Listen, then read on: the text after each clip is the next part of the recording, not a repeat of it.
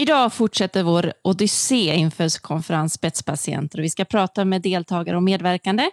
Det blir ett slags ring så pratar vi. Eller vad säger du Jonas? Precis.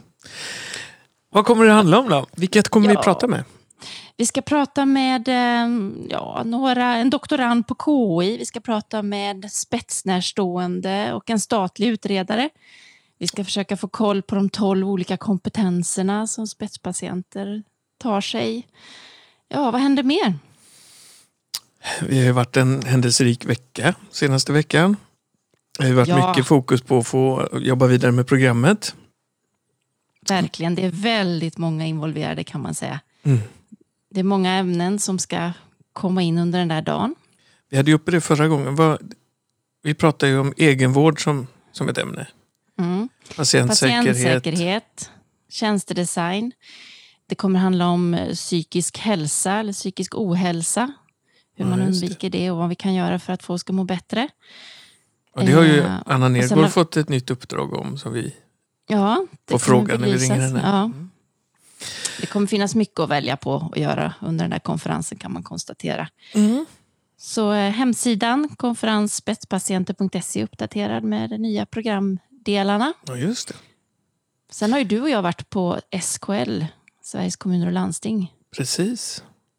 Startat Fortsätter- upp lite nya aktiviteter för att lyfta lärande exempel till exempel och Mm. fundera lite på hur vi kan samla in vad som pågår ute i landet i form av lärdomar och exempel. Mm. Sen klimatstrejkade du i fredags va? Jaha, Jag försökte ringa men du svarade inte. nej. Ja, ja, vi, vi lyckades få träffa tre barn på våran ö som strejkade. Mm. göra plakat. Och sen gick de ut och intervjuade olika näringsidkare om vad de kan göra bättre. Mm, fantastiskt. Vad de kan bidra med. Och så gjorde de en rapport. Och så stoppade de bilar. Mm. Vilket vi inte uppmuntrade. Ja, men det är väl bra. Mm, ja, Måste ja, vara var, lite aktiva. ja, Jag hörde att det var 5 000 aktiviteter i 156 länder och på alla kontinenter. ja, det är otroligt. Det är otroligt häftigt Jag faktiskt. såg någon bild från Barcelona. Det var 100 000. Mm. Och sen tror jag inte att det var Söderköping. Jag fick för mig att det började på Söder. Någon kommun där det var en liten kille som satt och strejkade. Det blev också något, en, en mäktig symbol på något vis. Ja, det, det har väl historien lärt oss att det börjar med en. Mm, Eller att det sen blir två. mm. Ja. Och att det går långsamt, långsammare i, fler, i vissa länder än andra. Mm, så är det. Ja. Ja. Ja, men sen vad som har hänt mer. eh, Läste något, en intressant eh, debattartikel idag på DN Åsikt. Tycker jag som handlade om hur vi benämner saker och ting och vad språket gör. Rubriken Mm. var Nyspråk förvandlar individer till invalider av Marianne Ekenbjörn. Vad menas med nyspråk då? Ja, du, det är väl nya ord på saker tänker jag. Mm. Ehm, I det här fallet så tog hon upp det här med ordet brukare framförallt. Att det är många, och jag, och jag reagerar på att det blev så otroligt snabbt kommentarer på detta. Att det är många som känner att man inte känner igen sig i det där. Mm. Eh, och det är klart att man måste ju få ha ord på saker om man tänker på att man pratar om ett land eller ett samhälle i stort och sådär. Mm. Men när vi träffar individer och människor så kanske det inte är lämpligt att fortsätta använda de orden utan kanske tilltala människor vid dess namn till exempel. Ja, hon pratar väl om det här lite grann med patient i rum tre och Ja, att man inte, man inte Ja, men- längre fick heta det man heter så att säga. Man Nej, var en person riktigt. nej, utan man blir eh, någonting annat. Men det är ju intressant också att vända på det här perspektivet. Vad gör det med språket om vi nu ska vända och utgå ifrån individen i större utsträckning? Mm. Ja, Då Ja, kanske det vi går måste ju ha ett inte annat riktigt språk. att gruppera människor så då. Nej. Det kanske aldrig har funkat egentligen, även om vi har haft behov av det för att vi har något slags system som kräver det. Mm. Men eh, det är nog väldigt klokt att fundera på orden. Ja, Ordens makt liksom över tanken på något vis. Och sen har vi ju jobbat lite grann med Ringla i veckan. Mm. Och ehm, Det är ju ett ställe vi tycker att orden är viktiga. Mm. Minns jag vi skrev när vi startade Ringla att det är viktigt att fler kan läsa och förstå och ta till sig det som vi beskriver där. Mm. Att språket För de- inte får vara avgränsande mot vissa människor och sådär. Nej, och Ringla, för de som inte vet, är ju en samlingsplats för goda exempel. Det kan vara allt ifrån forskningsresultat till eh, förbättringsarbeten och människor som har prövat saker som fungerar bra och beskriver dem på olika sätt, både genom film och text och Mm. bild. Och där kan man Så också få kontakt med personerna bakom. Det är också viktigt. Ja, det finns väl en 200-300 exempel där om man nu vill botanisera om vad som händer i hälso och sjukvården. Ja, Mm. och det tror jag ju varit... eh, Framförallt så är det ju, ligger det ju mycket filmer där. Jag tror det är närmare 400 filmer producerade. Som vi snart har kommit över 600 000 tittare-gränsen på. Ja, Sen vi kanske det, startade. då kanske det är dags att börja fylla på nytt snart nu. Då. Ja. Nu har vi väl snart pikat det där kanske. Ja, jag tittade lite grann och jag såg bland annat när vi pratade om det här med personcentrering som är ett annat sånt där ord som används då mm. eh, väldigt mycket och som kanske har lite olika innebörd. Så hittade jag föll för ett på Östra sjukhuset i Göteborg som har jobbat med gemensam vårdplan. Och där pratar man mycket om det här med till, tillsammans och inte så mycket om vi och dem eller profession för sig och patient för sig eller person för sig. Ja. Eh, och att man tillsammans sätter upp gemensamma mål där alla har en viktig del för att nå det. Och där man då kunde beskriva att bara genom att sätta upp de här gemensamma målen så förändrar man arbetssätt på ett sådant sätt att patienterna mådde bättre och fick bättre resultat på kortare tid. Vilket i sin tur då förstås sparar resurser i form av kortare vårdtider och så. Mm. Men det var också intressant att det här hade fokus på en bättre arbetsmiljö som de nog inte hade räknat med Ja, just det. Att personalen sa att helt plötsligt försvann mycket av det här. Ja, men det där är inte vår arbetsuppgift. Det där är någon annan som ska göra. Utan hade man ett gemensamt mål som man satte upp så kunde man komma längre. Det här ska vi skicka till Jenny då, som jobbar med interprofessionellt lärande. Ja, precis. Och vill om patienten. i förra avsnittet. Ja, ja, precis. precis. Ja, det är verkligen så. Det är ju dessutom i Göteborg där hon är. Så att... Ja, det är ju nära Ja. till. Vad säger du, ska vi sparka igång dagens avsnitt ordentligt? Ja, det tycker vignett?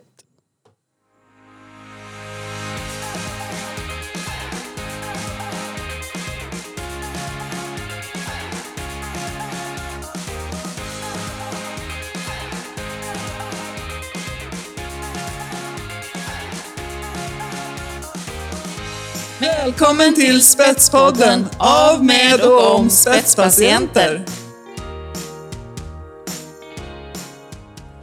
Ja, Ja, vad roligt. Nu ska vi få prata mer om konferens spetspatienter. Det känns väldigt roligt och spännande. ja precis. Det är ju allt fler som anmäler sig och det är många, både patienter och närstående, som kommer med sina egna erfarenheter. Och det är personal och det är eh, forskare och myndighetspersoner. Ja, det är alla möjliga. Det är väldigt, väldigt kul. Det är ju skitbra, om man får säga Mm. så. Du, ehm, vi, vi ska ju ta kontakt med några till. Mm. Som vi vet kommer att vara på och medverka på konferensen. Mm.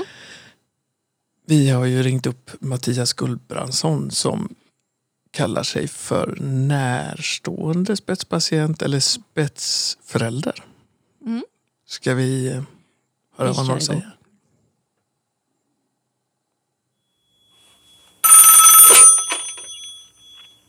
Mattias Gullbrandsson. Hej Mattias! Hej Mattias! Helena Hallå! här. Hej! Hej Ja, Jonas! jag här. var det. Hej! Hej. är du ute och är du åker? någonstans?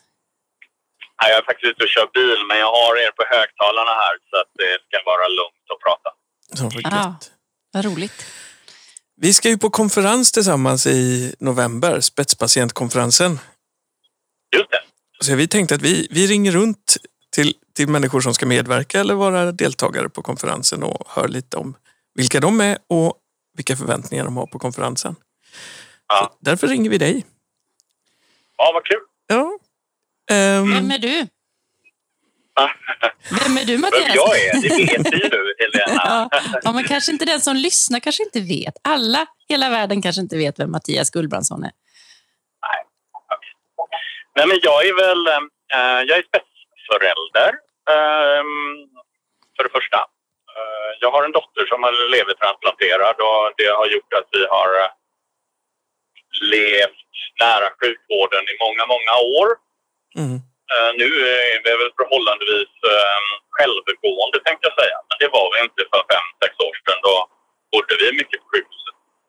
Just det. Um, och um, sen är jag, sen, sen jobbar jag med utvecklingsfrågor också. Um, och uh, jobbar jag, jag jobbar för ett, ett företag som utvecklar uh, mjukvara. Um, och mjukvarustöd överlag Mm. som heter Dreamler. Och um, vi kör ett utvecklingsprojekt med bräckediakoni för att visualisera och, och egentligen utifrån patientperspektiv uh, vända på rehabresan. Alltså utgå ifrån patienten istället för uh, systemet. Mm. Spännande. Hur långt är ni i den processen? Liksom, har ni börjat testa och finns det tillgängligt? Ja, vi är ute. Ja, vi är precis där. Vi har mj- mjukvaran finns. Det finns en anpassad eh, ja, process på en vårdcentral. Eh, nu går vi igång på den andra och, jobb, och testar med riktiga patienter på riktiga rehabresor. Eh, så det är väl i, en, ja, men i en, en live-testning. Mm. Um, så det är jättespännande. Eh, Skulle du säga att du liksom använder din egen erfarenhet som spetsförälder i ditt utvecklingsarbete och tvärtom? Använder du erfarenheter från utvecklingsarbete i, i din roll som spetsförälder? Ja, men så är det ju. Det, det, är ju. det är ju de två rollerna jag har i livet, tänkte jag säga. Eh, Jobb, jobbrollen och föräldrarollen. Eh, Men det blir ju som de, de... eh, Jag brukar väl snacka om att man kan åka hiss, inte sant Helena? Alltså Mm. ta sin privata upplevelse och försöka sätta den i ett system och vice versa. Då, då kan det bli en tillgång, tänker jag, i en jobbsituation också. mm. Så det gör jag ju. Det är, det, det är ju lättare. Nu, titta här. Nu är det... Oj, Ja, du nu dig? ambulans. Jajamän, nu kom den. Nu körde den. ja. Mm. Är den förbi? Jajamän. Ja, bra. Du har ju pratat tidigare om, om det här med att vända på perspektiven, att utgå ifrån individen och utgå ifrån personen istället för att utgå ifrån systemet. Jag tänker på Bräcke och ert samarbete och rehabresan där. På vilket sätt vänder det på perspektiven? Ja, men vi går vi in i... Vi har gått in med vad heter idén. Kan vi på allvar göra en, en uh, rehabprocess utifrån den enskilda individen? Mm. Och göra det med, vad heter det, ja, med, med fullt... eh, på fullt allvar tänkte jag säga, men, men verkligen gå hårt in med den idén och utgå ifrån den och den, dens mål. Mm. Eh, och inte göra det här utifrån så att säga systemets eh, sätt att tänka och bygga processer. Ehm, och jag tänker att det är ju väldigt då att vända, vända på, på perspektiven. Mm. Alltså, vi satt här i förra veckan och pratade med kommun och samordningsförbund och eh, eh, Försäkringskassa. och, ja, fysioterapeuter och allt möjligt. Och Mm. se hur, hur kommer de, hur, hur tar vi på fler parter i detta test? Mm. Ehm, för det är ju mycket som det påverkar, alltså att ändra på det här perspektivet, det får man ju tänka kanske nytt. Eh, och vad, är, vad kan vi lära oss genom att pröva detta då? Vad förväntar ni er för resultat? Vi löser de stora problemen med vården. vad skönt, vad bra. Då har vi löst det. Nej, men jag tror att det finns en jätteviktig grej i att gå från vård till hälsa. Därför det är ju, Mm. den enskilda individen har ju, den, den har ju att komma tillbaka till livet, det goda livet, att, att få, få, en, um, få det att fungera. Mm. Ehm, eh, som mål. Och jag tänker att det finns en, det finns en mag, vad ska jag säga, magi i det där. Att, att ha ett positivt utgångspunkt istället för att bara vårda det som är problemet eller lösa problemet.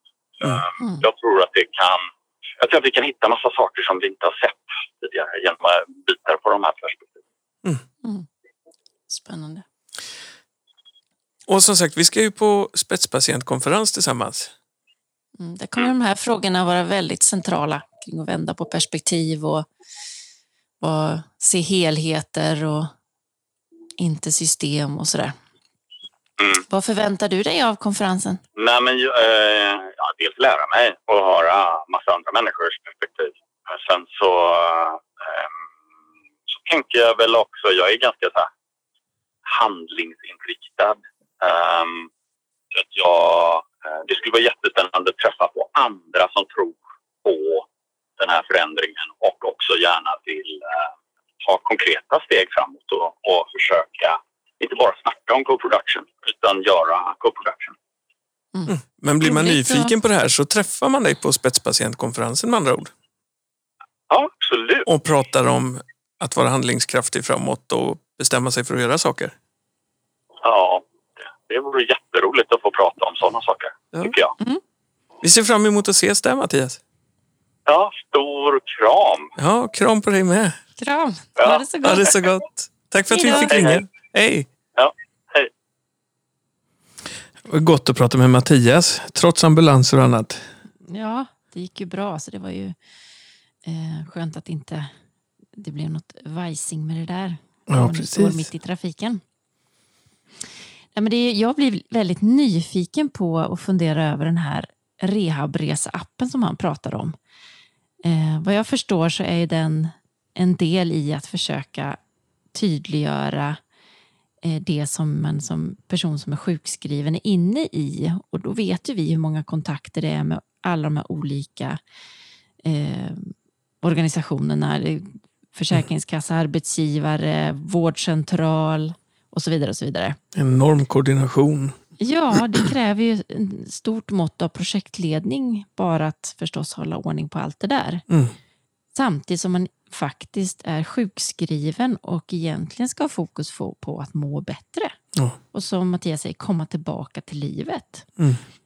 Eh, och ja, jag tänker att det här ligger ju helt i linje med förstås eh, mycket av det man pratar om. Man pratar om personcentrering och nära vård. Mm. Så det känns återigen så spännande att fundera på vad händer när man nu kopplar ihop en sån som Mattias med myndighetspersoner eller Mm. andra närstående patienter eller personer, spetspatienter på den här konferensen. Om vi nu kan få till den typen av möten där det här blir, eh, kan bli verklighet. Mm. Och sen skulle det vara roligt bara att få prata med de här personerna som testar appen. Funkar det överhuvudtaget? Mm. Det, det, jag tänker att det måste vara svårt. Det måste vara svårt. Det är klart det. Men det är, det är väl all utveckling. Mm. Men det som jag har förstått på Mattias så gör ju det här också en ganska direkt nytta för den som använder det. Mm. Och Ja. eh, Det kan ju vara räddningen många gånger tror jag att man Mm. får den känslan. Men om man eh, vill träffa någon som är intresserad av att agera och göra saker och kanske prata mindre och agera mer så ska Mm. man ju söka upp Mattias där. Ja. Eller både prata mycket och agera Ja, mycket. prata mycket kanske, och om, agera. ska, Mm. om vi känner Mattias är det nog både och tror jag. Det är nog säkert både och. Ja, det tror jag. Men om vi pratar om det här med samverkan över gränser. Här handlar det om Försäkringskassan som jobbar ihop med fysioterapeuten, med arbetsgivare och personer som är sjukskriven. Mm. Ehm, Det är någon, vi ska ju prata med någon annan nu som också pratar mycket om samverkan över gränser för att skapa bättre hälsa. Ja, precis. Det är ju en person som eh, jag tror nästan inte i de här sammanhangen i alla fall behöver någon närmare presenta- presentation. Men eh, det är ju vår statliga utredare för god och nära vård, Anna Nergård. Vi ringer henne. Det gör vi. Ja, Anna Nergård. Hej Anna, det är Jonas här. Och Helena. Hej! Hej! Hej! Vad kul att du vill prata med oss i Spetspodden. Ja, men såklart vill jag det. Du, eh, Anna Nergård, ja, de, ja, mot förmodan så är det väl kanske någon som inte känner till dig, men kan inte du berätta kort vem du är? Ja, eh, det jag gör i huvudsak är ju att jag är regeringens särskilda utredare och leder en utredning som heter Samordnad utveckling för god och nära vård. Och vi har ju fått i uppdrag att titta på hur man kan ställa om hälso och sjukvården från det kanske traditionellt akutsjukhustunga till mer av nära vård och en stark primärvård. Och det här uppdraget har jag haft sedan i mars 2017. Och så ska vi ju på konferens ihop här, spetspatientkonferensen i november där du ska medverka och flera från utredningen vad jag förstått. Då temana på det där handlar ju lite grann om det som ni utreder, om hälso, hur man förbättrar hälso och sjukvården och där vi har sagt att spetspatienter kan vara med och förbättra hälso och sjukvården. Ehm, och ni deltar med två workshoppar på det här ämnet. Ehm, ja. Det, det ena är samverkansfrågor och det andra är det här nya uppdraget. Kan du berätta lite grann hur ni tänker kring att delta på en sån här konferens? Vad har man för förväntningar ja. på det? Och... Ja. ja, vi pratar ju mycket om utredningen och det står också i våra direktiv att det vi ska göra är att lägga förslag på hur man skapar ett modernt hälso och sjukvårdssystem. Mm. Eh, och då tror ju vi att vi måste komma till ett hälso och sjukvårdssystem som bättre än idag faktiskt tar höjd för det som är befolkningens behov. Inte kanske som förr mest akuta tillstånd, de finns, men det som överväger idag är långvariga tillstånd och kronisk sjukdom. Och sen tror vi ju också att vi måste ha ett hälso och sjukvårdssystem som är begripligt, personcentrerat, hänger ihop för de vi är till för. Och där blir ju såklart då allt som handlar om samverkan med personer med patienterfarenhet, med spetspatienter. Eh, den oanvända resurs i svensk hälso och sjukvård som faktiskt alla de som har erfarenheter av hur det är att leva med en kronisk sjukdom, de som är experter på sig själva. Alla sådana bidrag behöver vi hämta in i utredningen och det tänker vi göra i det här sammanhanget. Mm. Så, så, eh, det ser vi fram emot med den här mm. kongressen. Och sen som du sa Helena, vi kommer dels att vara med och diskutera särskilt kring just det här hur kan det som görs från regioner, landsting och kommuner hänga ihop på ett bättre sätt? Mm. Eh, och det andra temat är ju då att vi ganska nyligen fick tilläggsdirektiv till utredningen där vi också ska titta på hur man bättre kan möta lättare psykisk ohälsa och förhindra att man får större besvär än nödvändigt av sin psykiska ohälsa. Och det är det andra där vi skulle vilja ha inspel, tankar och funderingar. Eh, och där tänker vi använda då den här mötesplatsen som den här kongressen blir. Mm. Just det. Och där har vi pratat lite grann om det här med civilsamhälle och föreningsliv och så. Den betydelse som inte ligger inom hälso och sjukvårdens uppdrag så att säga, att det finns andra aktörer som, eh, som kan vara viktiga för den egna hälsan. Och där tror jag också att spetspatienter kan som bidra med tankar och idéer kring det. Så det kan vi skicka med också de deltagarna som kommer och vill vara med på de här workshopparna. Att fundera mm. kring, tänker jag. Mm. Ja, Vad är det, det som skapar det, hälsa? Ja, och det här är ju många, både vi pratar ju om och många andra om att, att flytta fokus från sjukvård till hälsa och vilka faktorer som är viktiga då. Där är såklart att sen har ju hälso och sjukvården ett ansvar och en viktig roll att spela men hur ska vi bäst göra det med andra aktörer, föreningsliv, civila samhället, de vi är till för. Eh, så att ja, det blir ett jättebra tillfälle att, att få bolla lite sånt också. Ja, som en sån här sista fråga också intressant. Du har ju varit eh, med i det projektrådet som spetspatienter, projektet Spetspatienter har. Mm. Vad, vad, ser du framför dig liksom i Ja, ja jag har ju fått, ja, jag har ju liksom haft förmånen att följa den här resan och arbetat tillsammans med Sara Riggar också på olika sätt genom åren. Så att jag, eh, det är nästan svårt att ställa sig utanför och titta utan jag stödjer ju precis den här tanken på att man faktiskt är ju expert på sin egen kropp, sitt eget liv, eh, vad man behöver för att kunna leva ett gott liv även om man har en kronisk sjukdom eller ett långvarigt tillstånd. Eh, och då, då blir det ju alldeles självklart att det kan ju ingen annan veta bättre än man själv. Jag tycker också att det många gånger kanske krånglar vi till det mer än det. Det är så lätt för oss alla att använda våra egna erfarenheter som, som patienter eller som närstående. Eh, och då tror jag att om man tänker över det en stund så förstår man precis vad, vad behoven är och mm. vad som faktiskt saknas idag. Mm. Det ska bli jätteroligt att få eh, se vad ni får ut av de där workshopparna och eh, vad som blir eh, sen till slut ett slutbetänkande eller en fortsättning på ert arbete, vart det tar vägen mm. ut i systemet så att säga. Mm, ja, jag ser fram emot att få vara med. Det ska bli jätte... Ja, det kommer att bli givande för oss. Mm. Anna, varmt tack för att du tog dig tid att prata med oss. Tack så mycket. Ses tack, vi om inte annat i november? Ja, det gör vi. Ha det så bra. Ha det så gott. Hej. Hej. Ja, tack till Anna. Vad roligt mm. att få höra henne. Ja, det är ju fokus som vi misstänkte på samverkansfrågor förstås. Mm. Jag tycker det är intressant att hon också lyfter det här kring det bredare perspektivet om civilsamhälle och andra delar som inte bara har med hälso och sjukvård att göra. Eh, vi har, det finns någon artikel från, eh, nu kommer jag inte ihåg om hur många år sedan, men några år tillbaka, om det var 2017 eller något sånt, som beskriver att man som eh, patient, vad är det som skapar hälsa hos en person som har en sjukdom? Mm. Och då är det 10 procent av det som skapar hälsa eller skapar ökad må bra-tid som kommer från hälso och sjukvården. Mm. Resten är ju förstås en del såna genetiska faktorer och så, men också det som vi har runt omkring oss i form av socialt engagemang eller nätverk. Eh, Närstående aktiviteter, och sånt. Ja, ja. intressen. Och... Ja, som skapar hälsa. Mm. Eh, och det är klart, det kan man inte man måste ha det med sig om vi ska skapa bättre hälsa för en stor grupp människor. Mm. Eh, så det är ju det är väldigt bra.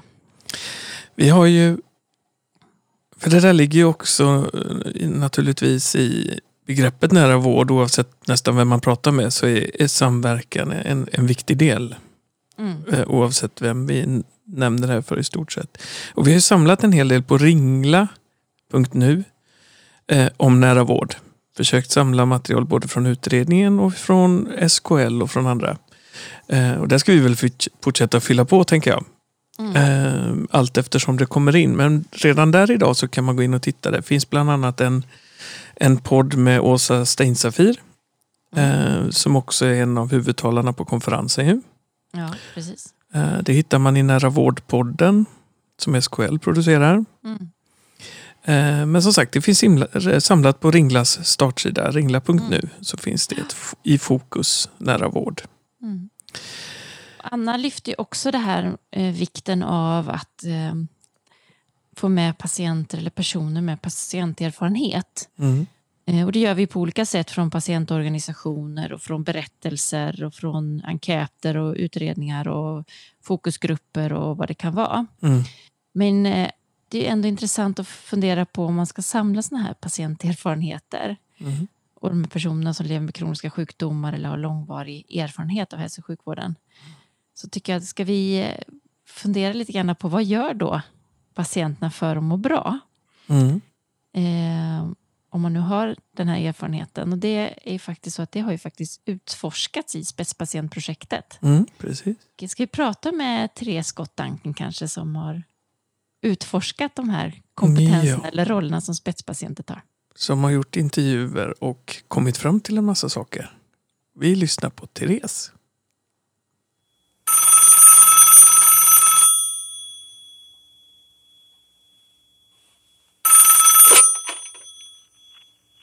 Therese Gottunkan.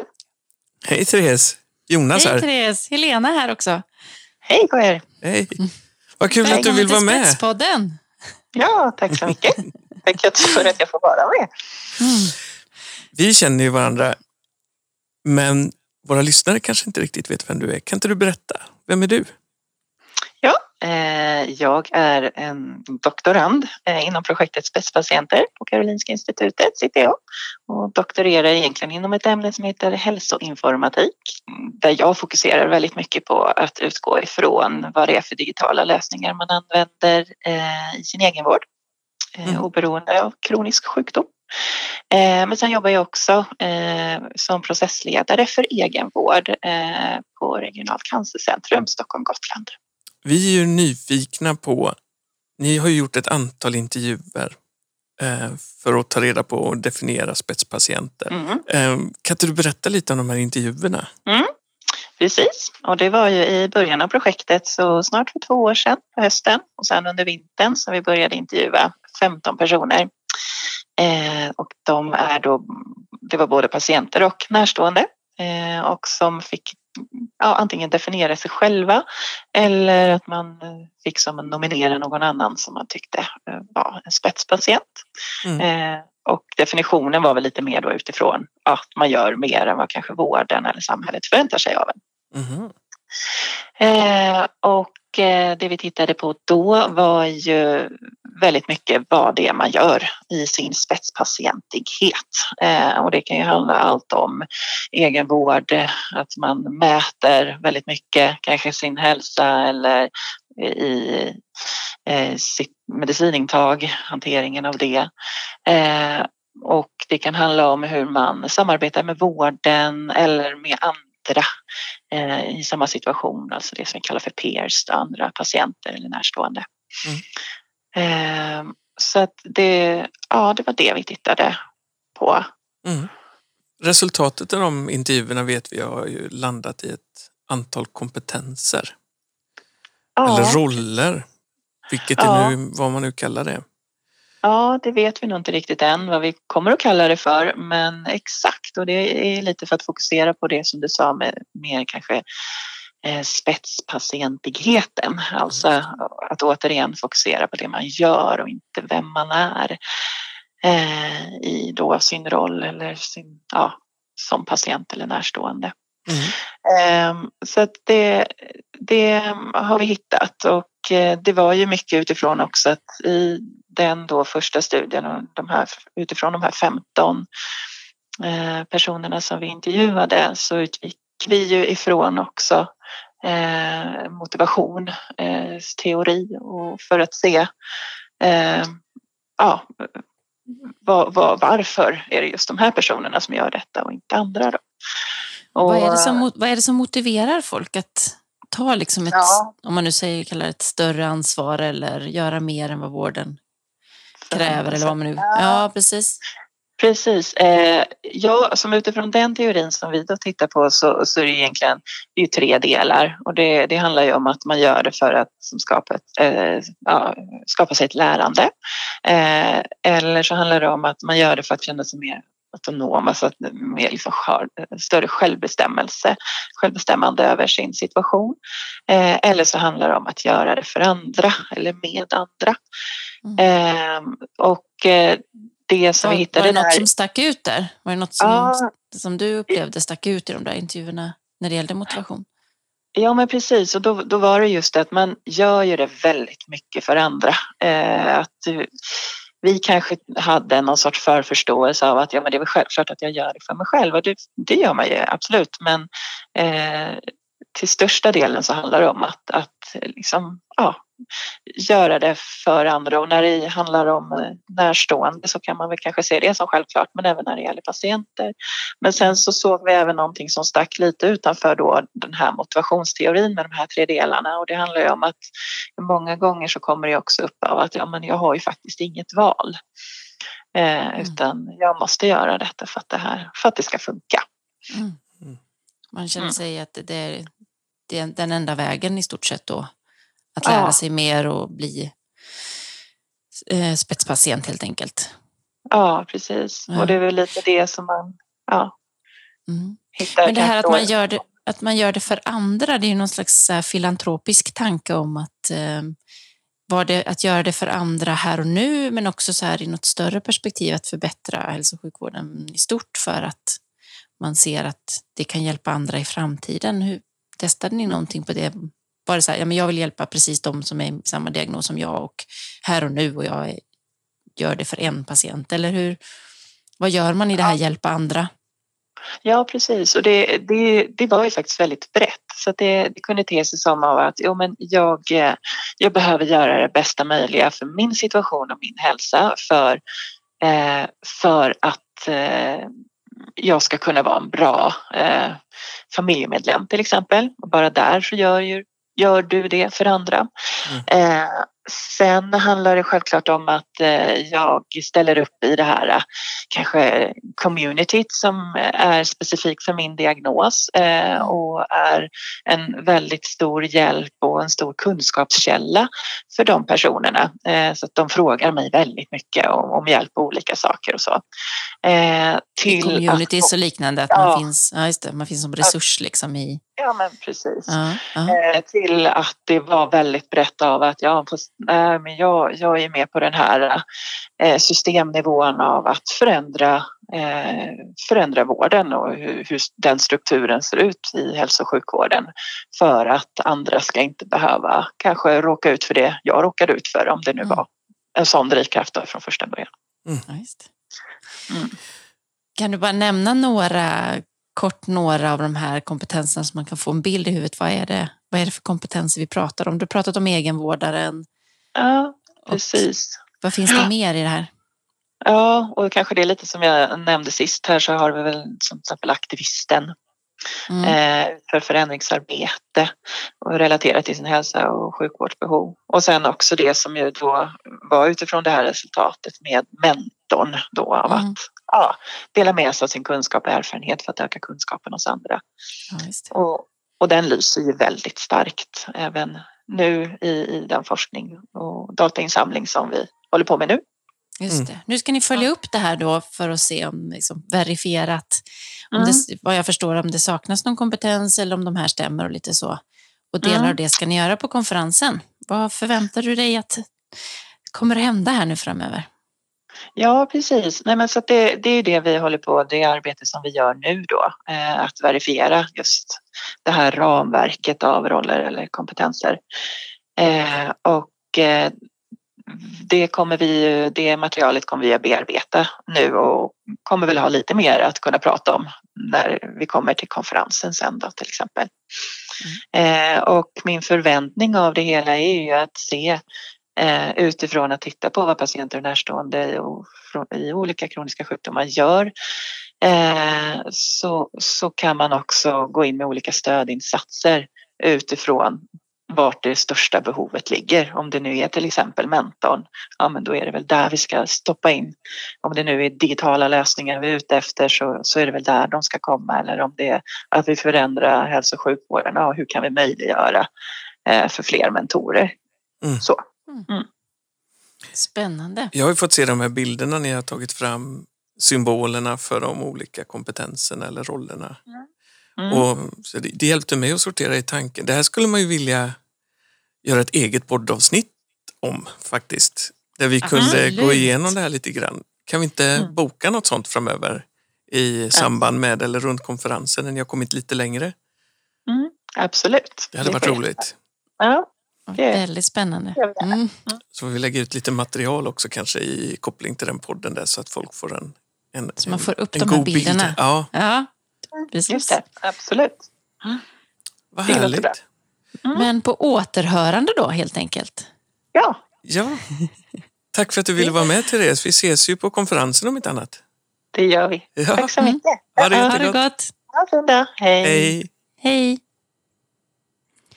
Ja, ja, det var Therese. Med, ja, det var Therese. Nu har vi pratat med flera stycken då som ska komma på den här konferensen, spetspatienter. Oh.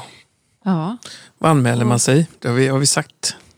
Ja, man anmäler sig på konferensspetspatienter.se och där finns ju programmet nu då utökat med workshoppar och ja, där finns anmälningslänk och om man har frågor så kan man ställa dem till mig till exempel som finns kontaktuppgifter till där också. Det var spännande att lyssna på Therese. Jag tycker det är ju fascinerande att det är en så stark drivkraft att vi hjälper andra. Mm. Att det är så det... viktigt för oss att få göra det. Ja. Det... Och så sa vi att vi ska göra ett eget poddavsnitt. Det har vi skrivit mm. upp. Mm. Får vi komma ihåg. Mm. Eh, spännande att höra vad de har kommit fram till när de har fått utvärdera det här ytterligare. Mm. Eh, det här är vårt elfte poddavsnitt. Som snart är till ända. Ja, vad Eh. händer här nu framöver då? Ja, men nu blir det väl ytterligare förberedelse för konferensen naturligtvis. Mm. Ehm, Det seglar ju in ett höstlov och sådär. Ja. Så, men det är, det är en bra bit kvar. Eller så känns det Ja. bara så. Men innan dess ska vi hinna göra en del saker. Ja, Ehm, nästa avsnitt måste vi prata om lite. Vad, Ja. vad gör vi i nästa avsnitt? blir nästa avsnitt kanske fysioterapi 2019. Ehm, Ja, pågår det blir 23 till 25 oktober. Så det är ju, Mm. det är ett litet tag dit.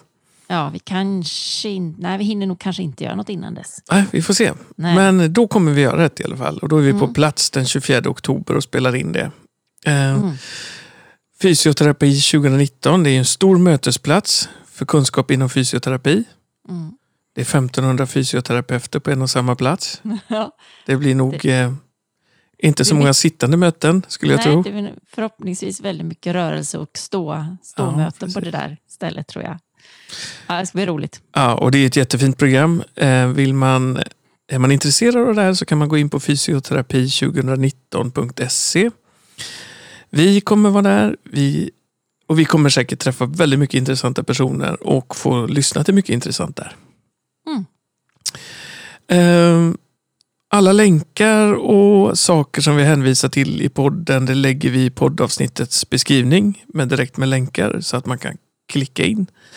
Ehm, och eh, ja, tack för att du har lyssnat på Spetspodden idag. Det är Helena Conning och Jonas Fagersson som står bakom den.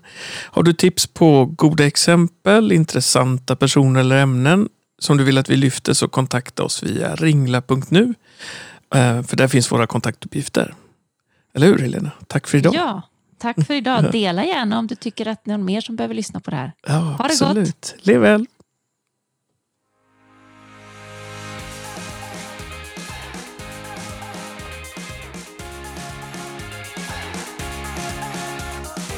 Välkommen till Spetspodden av, med och om spetspatienter.